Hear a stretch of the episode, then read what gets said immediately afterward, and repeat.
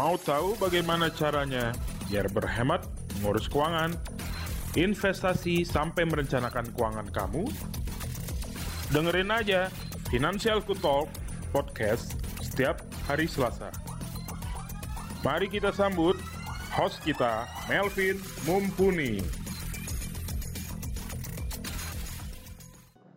Halo, jumpa lagi bersama saya Melvin Mumpuni, CFP, perencana keuangan dan juga founder dari Finansialku.com. Menemani kesibukan kamu hari ini, kita akan ngobrol-ngobrol sebuah topik yang keren yaitu gini. Apakah saya termasuk sandwich generation? Jika iya, kira-kira apa solusinya untuk bisa merencanakan keuangan dan bisa tidur nyenyak di malam hari? So, jangan buru-buru dulu, klik dulu aja tombol love di kanan atas podcast Fintalk di Spotify supaya kamu nggak ketinggalan episode-episode berikutnya. Dan kita akan bahas di episode 20 yaitu apa itu sandwich generation dan kenapa bisa terjadi fenomena sandwich generation. So, si keep stay tune. Oke, seperti biasa, sebelum bahas lebih detail, Sobat Finansialku dapat mengirimkan pertanyaan atau curhat keuangan melalui fitur Tanya Perencana Keuangan di aplikasi Finansialku.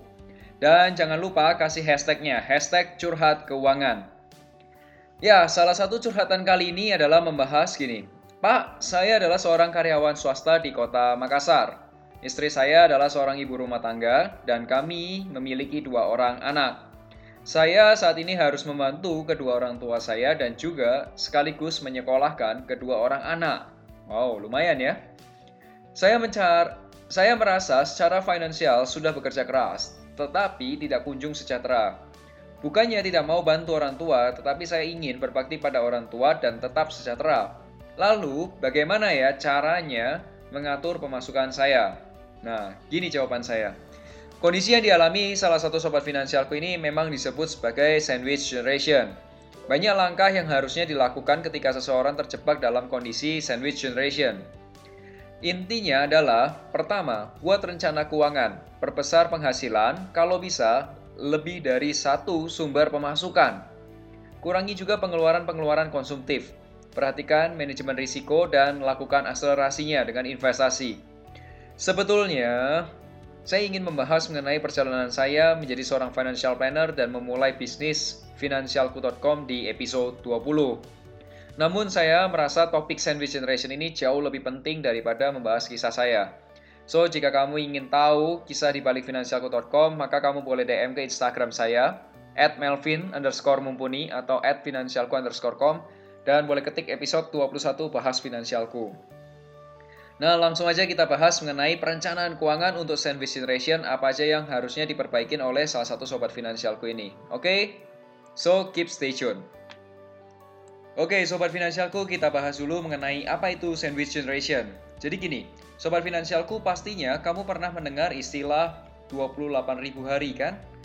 Nah, kalau kamu belum pernah dengerin, coba deh dengerin podcast saya sebelumnya atau coba cek di YouTube finansialku.com atau websitenya finansialku.com. Jadi, akhir Desember 2018, saya membaca sebuah buku karya Dr. Sanjay Tolani. Judulnya adalah 28 sorry 28.000 hari atau 28,000 days. Make every day count. Buku ini menjelaskan bahwa ternyata manusia secara rata-rata memiliki usia 28.000 hari atau sekitar 80 tahun. Nah, jika dibagi menjadi sama rata, maka akan ada empat bagian, yaitu disebutnya empat kuadran. Nah, kalau kamu pengen lihat kuadrannya, kamu bisa cek di artikelnya Financial Coop podcast episode 20. Di situ ada kuadrannya. Nah, yang saya mau bahas gini. Kuadran 1 adalah kuadran usia 0 sampai dengan usia 20 tahun. Di mana kuadran ini menggambarkan kita mulai lahir, bersekolah, bermain, dan tentunya pacaran kan? Ya. Kuadran kedua adalah kuadran usia 20 sampai 40 tahun. Di mana kuadran ini menggambarkan kita mulai berkarir, bekerja, beli rumah pertama, beli mobil pertama, menikah, punya anak, dan menyekolahkan anak. Mungkin sampai SD atau SMP nih pada saat usia 20 sampai 40-an.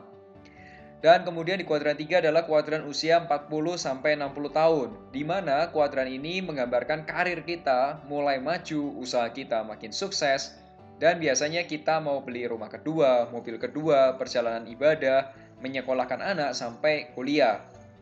Dan di kuadran terakhir adalah kuadran keempat, yaitu kuadran usia 60 sampai dengan usia 80, di mana kuadran ini kita sudah mulai pensiun dan menjadi tidak produktif.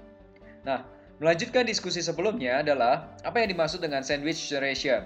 Jadi, sandwich generation adalah orang-orang yang berada di kuadran 2 atau 3, sekarang ini ceritanya, dan harus menanggung biaya anak di kuadran 1 dan orang tua di kuadran keempat.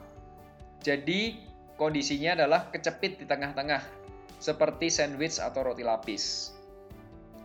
Nah, kalau kamu nggak kebayang detailnya, gini deh.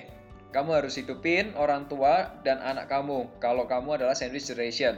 Jadi generasi dua harus nanggung biaya generasi satu dan generasi yang ketiga. Itu. Pertanyaan selanjutnya adalah kenapa sandwich generation itu bisa terjadi? Sandwich generation ini bisa terjadi karena orang tua gagal merencanakan biaya pensiunnya. Artinya, orang tua harus bergantung pada penghasilan anaknya. Padahal dalam perencanaan keuangan pasti ada yang namanya perencanaan dana hari tua atau retirement planning.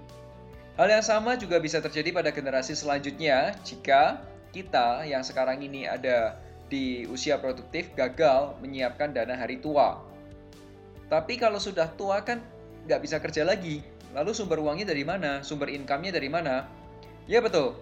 Kalau misal sudah pensiun atau sudah tua, mungkin sudah tidak punya penghasilan aktif. Tapi saya akan jawab lebih lengkap dengan menggunakan sebuah analogi. Jadi gini, setiap manusia memiliki tiga sumber penghasilan, yaitu penghasilan aktif, penghasilan investasi, dan penghasilan pasif. Apa perbedaan ketiganya?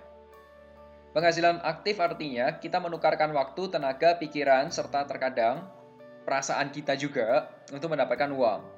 Nah, penghasilan investasi artinya kita menukarkan uang yang lebih kecil untuk mendapatkan uang yang lebih besar. Dan terakhir, penghasilan pasif artinya aset produktif kita menghasilkan pemasukan untuk kita. Nah, sama seperti sebuah pesawat terbang. Pernah nggak sobat finansialku melihat sebuah pesawat terbang dengan satu mesin saja dan membawa ratusan penumpang? Hmm, jawabannya nggak pernah kan? nggak pernah ada engineer yang membuat mesin seperti itu untuk kapasitas orang ratusan orang. Nah, kenapa? Ya tentu saja sangat berisiko. Kalau pesawat terbang hanya punya satu mesin dan terjadi sesuatu dengan mesin tersebut, maka habis deh ceritanya. Betul nggak?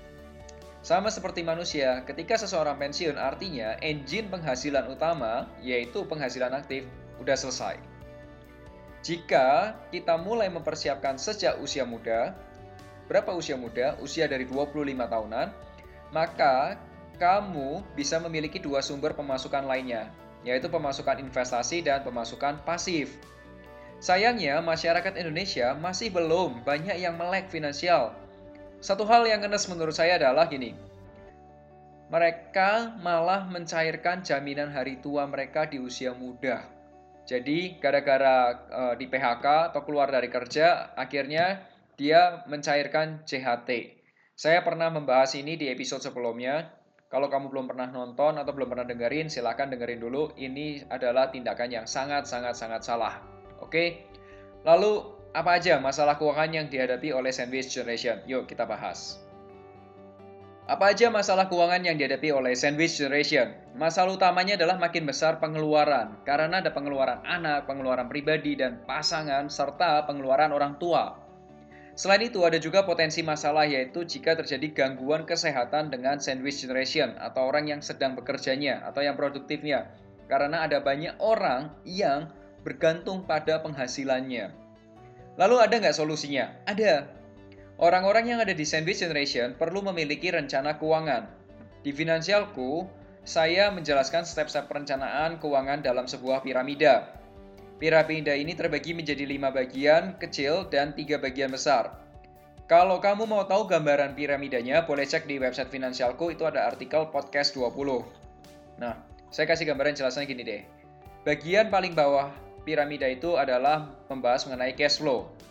Jadi bagian terbawah piramida adalah cash flow, manajemen kredit, dan dana darurat. Dalam kasus sandwich generation, perlu cash flow yang positif usahakan penghasilan Anda minimal dua kali pengeluaran. Oh, income-nya gede banget ya.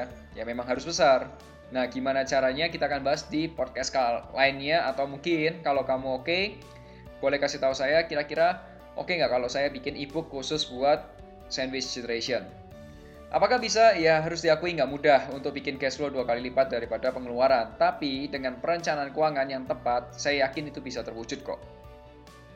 Dan masalah kredit konsumtif. Usahakan utang-utang konsumtif, misalnya utang liburan, atau liburan keluarga, utang untuk beli gadget baru, renovasi rumah, sebaiknya semuanya ditunda. Jangan ambil kredit untuk kebutuhan yang tidak produktif. Kenapa? Concernnya gini, cicilan bulanan kredit konsumtif itu dapat merusak cash flow bulanan kamu.